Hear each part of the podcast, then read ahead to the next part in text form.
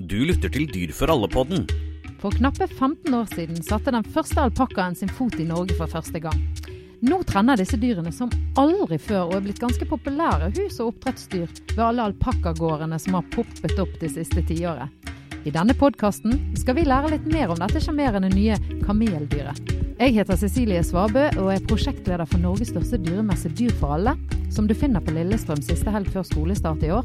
Og med meg i studio har jeg Bjørn Brensøy, som driver en helt vaskekte alpakkagård med sin samboer Alexandra i Sørum utenfor Oslo. Besøk dyremessen Dyr for alle 16. til 18. august på Norges varemesse på Lillestrøm. Ja, hei Bjørn. Hei. Du kan jo fortelle litt om deg sjøl sånn eh, til å starte med. Ja, som du nevnte, vaskeekte alpakkagutt. Har drevet med alpakkaer i noen år. Bor uh, utafor Oslo og stortrives med det. Hva i all verden drev deg fram til å finne ut at jo, det er alpakkaer jeg har lyst til å drive med? Jeg lurer på om jeg så alpakka for første gang på, på TV. Uh, det var et TV 2-program med disse her Ylvis-brødrene, gutta fra Bergen. Tror jeg vet hva du refererer til. Å ja da, de hadde en kjendisalpakka som heter Åke, som uh, var med på diverse artige skjulte kamerainnspillinger. Så da, ja, Han da skulle inn i taxi, blant annet. Blant annet taxi, skulle sjekke inn på hotell. Han prøvde, å bli- prøvde, de prøvde å adoptere han bort som en, ekstra, en stor puddel. Litt ekstra stor puddel. og det var veldig gøyalt. Så Ja. da, da ble jeg litt nysgjerrig, og så tok jeg kontakt med alpakkafolka, for å si det sånn. Jaha. Reiste og besøkte dem, og hilste på både mennesker og dyr, og ble bitt av basillen. Ja, Men de kommer jo ganske langveis fra disse alpakkaene.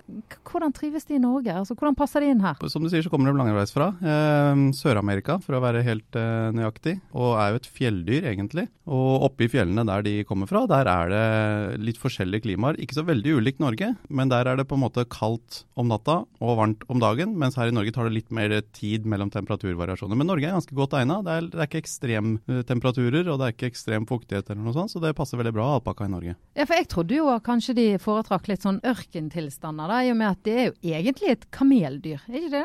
I Utgangspunktet for Da er vi typ millioner år tilbake, er okay. ursprunget fra samme dyr. Og så har revolusjonen gjort at kamelen har etablert seg i ørkenen, i typisk Sahara. Og så har da dens lillebror etablert seg i Sør-Amerika. Men dette er jo så langt tilbake i tid at man, eh, eh, de har ingen på en måte relevans i dag. Så de, de bor ikke ved side om side i dag. Nei, så det er ikke minikamel du De, går, de, har? de er i samme dyrefamilie, Ja. så du kan si de er på samme stamtre. Ja. Eh, men vi er langt tilbake i tid når, det var, eh, når de hadde samme stamfedre. Ja. Og, og da kan jeg spørre for et barn jeg kjenner, kan du ri de? Nei.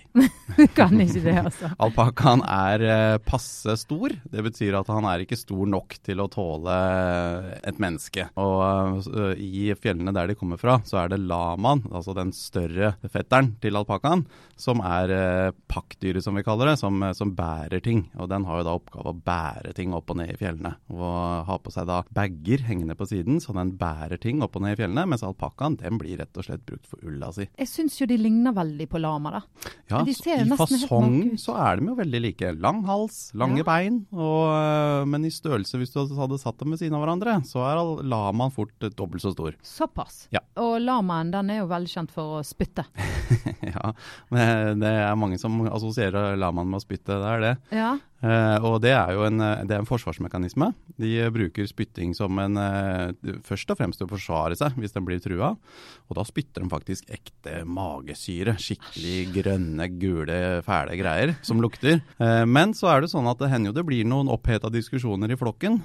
Og da bruker de også spytting som en, som en måte å uttrykke at 'jeg er sjefen' på. Veldig provoserende for den andre lamaen, kan jeg tenke meg. Og det kommer ofte noe i retur da, men det er liksom høyden av en eh, diskusjon i denne verden her. Ai, ai. Men eh, alpakkaene, da er det ingen fare for spytting? Alpakkaene har noe av det samme, eh, Ok. og kan for absolutt spytte. Eh, det kan jo for så vidt du og jeg òg da, Cecilie, Ja, men vi, vi vi, vel, vi velger stort sett å la være. Og, men alpakkaene de bruker det ofte til å gjøre opp seg imellom. Altså hvis eh, to stykker eh, er på vei til samme matfatet, Mm. Eller eh, hvis de står og ser på en annen alpakka på andre siden av gården som begge to vil eh, bort og hilse på, så er det ofte sånn at da, da gjør de opp seg imellom ved å blåse litt luft på hverandre, rett og slett. For det er egentlig bare det der. Da, da spytter de ikke noe sånn type magesyre eller noe. Da er det luft ifra munnen. Litt sånn puh. Ah, OK. Munnsikre. Ja. Men hva sier egentlig en alpakka? Alpakkaen er stort sett ganske stille og rolig. Men den har en eh, veldig sånn særegen eh, tutelyd når de lurer litt på hva skjer nå, eller hvem er dere da, hvis det er besøkende som står og ser på dem, så høres det litt sånn ut som hmm. Så ivrig er du. rett og slett. ja. Nei, men det, og da er det drama for meg få helt riktig. Besøk dyremessen Dyr for alle 16.-18. august på Norges varemesse på Lillestrøm. Og alpakkaer de er nå ikke bare rolig, men de er ganske kjærlige og de er ganske glade i hverandre. De er veldig glade i hverandre, ja. Ja. Eh, Alpakkaen er et flokkdyr med stor F, så de er veldig, veldig glad i kompisene sine og jentegjengen og guttegjengen. Er det faktisk sånn at skal en alpakka til veterinæren, så blir det litt slitsomt. For du kan ikke bare ta den ene alpakkaen som trenger veterinær. Ja, det er helt riktig. De blir veldig stressa av å være aleine. Og da blir, kan de fort bli sjuke, fordi de kan eh, stresse på seg magesår og andre lidelser, for å si det sånn. Så alpakkaen må være i, i, i grupper og i flokk, og jo flere, jo bedre. Ja, Hvor mange må de minst være da for å dra til eh, veterinær med én? Det er vel en sånn tommelfingerregel i alpakkamiljøet at uh, to er et par, tre er en flokk. Så vi, vi ønsker å se i hvert fall tre, for da blir det en mye finere dynamikk i flokken, og da har de liksom gjengen sin. Ja, og det er jo en, eh, en greie hvis du skal starte opp med alpakka også. For det er mange som sier 'Å, de er så skjønne disse alpakkaene. Kanskje jeg skal skaffe meg en'. Mm. Men det går ikke. Nei, vi eh, fraråder jo det på det sterkeste. Fordi selv om alpakkaen har eh, i hermegås altså selskap med et annet dyr som ikke er alpakka, det er jo noen som tror at de, de kan bo sammen med et esel eller en geit og få et samme type selskap, men det, det kan de ikke. Det er ikke samme dyreart, de snakker ikke samme språk, så en alpakka må ha selskap med en annen alpakka. Så Derfor så er det eh, absolutt de aller fleste som driver med alpakkaer, har eh, i hvert fall to, og de aller fleste har tre eller flere. Ja, så hvis de kommer til deg og skal ha med seg alpakka, så får de, eh, får de tre for én deal. Da får de tre for uh, Tre. tre. ja. Men de får ikke stikke hvis Altså, de får ikke dra fra gården hvis ikke de har med seg eh, minimum tre. Ja, vi er veldig nøye på dette, og vi bruker lang tid på å, å snakke med nye potensielle alpakkaeiere. Og bruker tid på å fortelle dem alt de trenger å vite, og hjelper dem i gang. Men eh, nå har jo jeg skjønt at eh, denne kjærligheten de har seg imellom, den eh, kan jo lett smitte over på menneskene rundt. Og det var i alle fall sånn for deg. Ja, du har hørt det, ja? Ja, jeg har hørt rykter om det. Nei, jeg eh, holdt jo da på med mine alpakkaer, og ble etter hvert eh, veldig engasjert i eh, alpakkamiljøet, og ikke minst eh, Den norske alpakkaforening, som er på en måte vårt samlingspunkt, og den foreningen som arrangerer eh, bl.a. alpakkautstillinger. Det ble alpakka for alle penger. Og det ble alpakka i alle ender og kanter og bauger. Og der eh, møtte jeg jo mange mennesker, bl.a. min eh, nåværende samboer, da, som på den tiden drev med sine alpakkaer på sin gård. Og så etter hvert så blomstra alpakkakjærligheten for både to- og firbeinte, så vi slo oss sammen både hus og hjem og alpakkaer og alt. Hva i all verden var sjekkelinjen? jeg har jeg grublet på. Ja, si det, du. Nå har jo alpakkaene en, en ganske stilig eh, gurgling når de er, eh, er I humør. i humør. Så det kan hende jeg prøvde meg på noe sånt. Men nå er jo dere eh, etablert som samboere Ja på gården deres absolutt. i Sørum. Hvordan foregår livet på alpakkagården? Det er veldig trivelig. Sånn dagligdags er jo det å ha alpakkaer ganske kurant. Det er ikke all verdens mye jobb. Den viktigste jobben vi gjør er egentlig å se til at gutta og jentene våre har det fint, og at de trives. Og selvfølgelig ha mat og vann tilgjengelig hele tiden, og se at alt er bra. Så det, det er hovedjobben. Så er det selvfølgelig litt sånn møkking og fiksing av gjerder og litt sånt noe innimellom. Det hører med, og det er bare kos. Og alpakka har jo man egentlig mest for eh, driften av dem, ikke sant? Ja da. Da snakker vi uh, alpakkaull. Men du kaller ikke det det?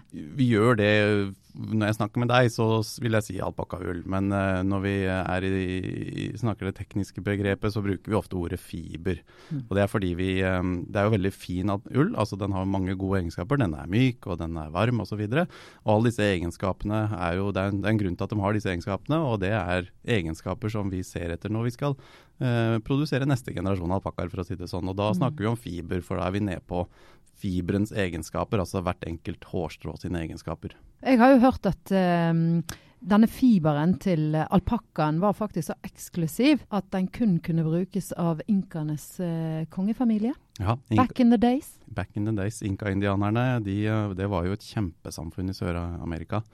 Og alpakkaen sto svært sentralt der for den, eh, den eh, og lamaen. Det må jeg få lov til å si. Fordi den uh, sørga for at de hadde god og varm ull til å kle seg med. Og så hadde den uh, noe som vi ikke har snakka om ennå, det er det som kommer ut bak. Som er utrolig bra gjødsel. Okay. Så, og hvis du har sett bilder fra Peru og fra Andesfjellene og hvordan inka-indianerne bygde opp sine enorme steinboliger og strukturer i, i, fjellene der, så er det helt utrolig at det bodde så mange mennesker der. Og for hvor kom maten fra, ikke sant? Men der hadde de altså en eh, måte å dyrke mat på med, med kunstige åkerlapper oppi fjellsidene, og det ble gjødsla med alpakka og lamamøkk. Ja. Og den har så bra egenskap at det var nok til å sørge for at det ble mat på bordet til alle de som bodde oppi der. Egenskapene for denne fiberen den er jo ganske bra, da. Det er jo sånn type fem ganger varmere enn vanlig saueøl. Eh, nupper lite, holder sin form lenge. Alt dette er jo som musikk i ørene på uh, småbarnsforeldre. da. Så, og, men nå er det faktisk sånn at det er tilgjengelig for oss vanlige dødelige å kjøpe, og ikke bare inka-kongefamilien. Det er riktig. Eh, for, for inkaene så var det som du sier, det kun de øverste i samfunnet som fikk lov til å bære alpakka. Det var jo um, 'fiber of the gods', kalte de det. Og det sier litt om liksom, statusen. Men nei, det er helt riktig. Nå er det alpakkahull tilgjengelig, uh, i hvert fall på, på, små markeder og hos gårder som har alpakkaer osv. Nå tar vi det med en klype salt, alle disse fem ganger varmere, fem ganger bedre type utsagnene. Men, men, det vi kan si er at den er utrolig myk og god. Den er utrolig varm og god. Den er det relativt lite lanolin inn. Så summa summarum så skal den være myk å ha på huden og ikke klø. Og da har du på en måte fjerna mye av det som er ulemper med annen type ull. Ja, og her får vi vel ta med på Dyr for alle. Der vil dere stå og selge eh, alpakkaull? Ja, der skal vi med Alpakkaforeningen vår stå med, med både levende alpakkaer og selvfølgelig vise fram produkter laget av alpakka, og ikke minst vise fram hvordan ulla ser ut. Altså, Alpakkaene blir jo klipt én gang i året, mm. og da blir, sitter vi jo igjen med med en haug med ull. Ja, og det kommer vel sikkert noen ferdigstrikka greier også, som Helt man sikkert. kan kjøpe. Besøk dyremessen Dyr for alle 16.-18. august på Norges varemesse på Lillestrøm. Men hva annet er det som er unikt med alpakkaen? Eh, ettersom at alpakkaen har eh, et veldig vennlig utseende, eh, snill og rolig, og har en størrelse som er veldig attraktiv, for den er ikke for stor eller for liten, så egner den seg veldig godt som terapidyr, rett og slett. Du har sikkert sett hvordan hunder gjør det på gamlehjem, og mm. til og med høner og hester kan være terapidyr på, på institusjoner og, og, hjem hvor det bor mennesker som syns setter pris på noe annet innslag i hverdagen. Og der er alpakkaen minst like god. Ja, det, altså det er altså dyr som kommer inn og rett og slett bare er med, eller koser med pasienter og brukere på disse eh, institusjonene. Ja, han behøver ikke gjøre noe triks eller noe, men bare det å være der. Altså det, den, den utstrålinga den har av rolighet og, og, og, det vennlige utseendet, er mer enn nok til at man, de aller aller fleste som da er rundt en alpakka, får en veldig god følelse av det. da. Og det gjelder jo enten man er, har en gruppe mennesker hos alpakkaen, eller man tar alpakkaen med til der det finnes mennesker. Så det, det egner seg veldig godt til. Du sier at de eh, kan brukes som terapidyr. Men samtidig så sier du at de er veldig forsiktige. Tør de egentlig å gå i interaksjon med mennesker de ikke kjenner godt da? Ja, faktisk så er de veldig nysgjerrige. Okay. Så, så, det er på en måte alpakkaens dilemma. Den har veldig lyst til å gå bort og snuse på og hilse på, men samtidig syns den det er veldig trygt å ha en halvmeters avstand. Så han, eh, han, han, blir gjerne med rundt. Det blir veldig nysgjerrige. Lurer alltid på hva som er rundt neste sving. Mm -hmm. Og det er derfor det er veldig enkelt å ta dem rundt. De elsker å bli tatt med rundt. Og det å få dem inn på bilen og ut et sted og inn i en oppgang og inn på et rom hvor det er fremmede mennesker, ikke noe problem. Men må de da gå i flokk? Da er det minst to som er på tur, ja. Absolutt. Ja, og det som er også gøy, er jo at det kommer flere alpakkaer til uh, Dyr for alle. Sånn at uh, man kan få en mulighet til å hilse på disse sjarmige dyrene. Ja, da, absolutt. Det er jo veldig mange som blir litt skuffa når de finner ut at de ikke får lov til å kose og klappe og henge rundt halsen på de myke alpakkaene. Ah. Men nå er det nå engang sånn at for, for, oss som driver med alpakka, så det er ikke kjæledyr, rett og slett. Det er, det er produksjonsdyr. Og det gjør at de, og de i utgangspunktet for en alpakka, den er litt skeptisk og litt grann forsiktig.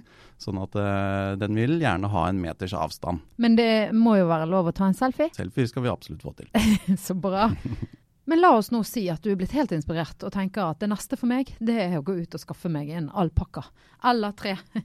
Hva gjør jeg da? Den klassiske uh, alpakka eieren, for å si det sånn, den er, eh, bor ofte på et småbruk. Kanskje har arva et småbruk, eller flytta til et småbruk litt utafor byen. Og så finner man ut at det hadde vært trivelig med litt liv på tunet. Og da vil jeg jo absolutt anbefale først og fremst å, å reise og se på en alpakka. Enten på Dyr for alle, eller ta kontakt med f.eks. Alpakkaforeningen, som kan guide deg til en alpakkaoppdretter eller eier i området der du bor. Og Sånn begynner egentlig ballen. og Da handler det om å reise og se på dem og få lov til å henge litt der, for å si det sånn. Og være med litt rundt og se hvordan de er å drive, og hvordan de oppfører seg på tunet, og hvordan de liksom er å ha hjemme. Og ikke minst hva du trenger av gjerder og infrastruktur for å på gården. Vet du hva, dette vil jo du faktisk kunne høre mer om eh, på Dyr for alle, for der skal vi faktisk også ha et foredrag. Ja. Hva du må tenke på når du skaffer deg alpakka. Ja. Eh, så det er jo eh, supert. Men ellers så bare én ting til jeg lurer litt på. Vet du hvor eh, dette her uttrykket 'du store alpakka' Altså, Hva betyr det egentlig? Det morsomste med det er jo at det er så gammelt. Altså han, eh, Lektor Tørdal eh, var vel den første som eh, brukte det uttrykket. og Når var dette, Cecilie? På 50-tallet? Det var på 50-tallet i Stumpabøkene, ja. Du kan tenke deg, Visste man egentlig hva en alpakka var da? Fordi at um, al Alpakkaen har jo da kun vært i Andesfjellene, altså Peru, Chile, Bolivia, ned i Sør-Amerika. Det er kun der de har vært fram til omtrent midten av 80-tallet. Så de som hadde sett og hørt om alpakka på den tida der, de er jo, måtte ha vært veldig bereist. Kan det være at eh, lektor Tørdal var eh, personlig bekjent av Tor Heyerdahl? Kanskje? Kanskje det. Mhm.